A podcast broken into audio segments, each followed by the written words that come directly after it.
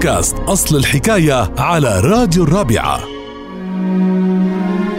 أصل الحكاية لليوم عن قصة مثل بينضرب وقت اللي بيكون في حوار بين عدة أشخاص وكل واحد بيكون عم يدلي بدلوه وكل واحد عنده وجهة نظر. وسبب قول هالمثل بيرجع لقصة عن إحدى القبائل العربية وهي قبيلة بني عامر. بهالقبيلة كان في بنت اسمها ليلى العامرية وهي ليلى بنت مهدي بن سعد. وكان لها ابن عم اسمه قيس بن الملوح. قيس وليلى عاشوا بعهد الخليفة الأموي الثاني مروان بن الحكم وابنه عبد الملك بن مروان.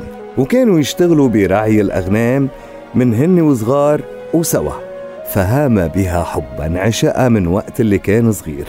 وكان يمشي بين الناس ويقول فيها شعر حتى لقبوا الناس بمجنون ليلى. لما كبر قيس وليلى منع أهله عن قيس ووالدها تحديدا فكان ينظم الشعر عن حب ليلى وفراقة حتى أصابوا الضعف والهزال ومسوا الجنون. فعرف بين أهل القبيلة بمجنون ليلى. وبإحدى الروايات أنه قيس ما كان مجنون ولكنه ادعى الجنون حتى ما يقتلوه أهله ويقدر يقول فيها من الشعر اللي بيحلاله وقال أيوب بن عباية إنه فتى من بني أمية أحب امرأة منهم وكان يقول فيها الشعر وينسبه إلى المجنون وانتشر الشعر بين الناس وزادوا عليه ولكن الكثير من المحققين بالقصص التاريخية بيقولوا إنه كل العشاق في بني أمية استخدموا اسم ليلى لنظم الشعر بمحبوباتهم. يعني ممكن ما يكون اسم البنت اللي بحبها فلان ليلى ولكن كلياتهم رمزوا لمحبوباتهم باسم ليلى. وكلياتهم أو أغلبهم نسبوا شعر للمجنون حتى ما يفتضح أمرهم.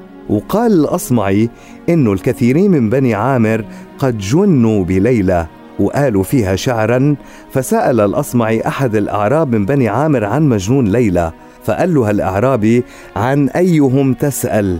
فقال الأصمعي للأعرابي عن اللي كان يهيم بليلى. فقال الإعرابي لقد كان بيننا جماعة اتهموا بالجنون وكلهم قال الشعر في حب ليلى. ولأنه من المستبعد أنه يكون كل شعراء بني عامر قد هاموا بليلى العامرية بالذات ومن المستبعد كمان أنه تكون كل فتيات بني عامر اسم ليلى. قال العرب أن كلا يغني على ليلى.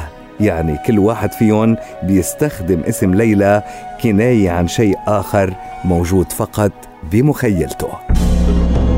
لتتعرفوا على مزيد من أصل حكايات الأمثال تابعونا على بودكاست الرابعة أصل الحكاية.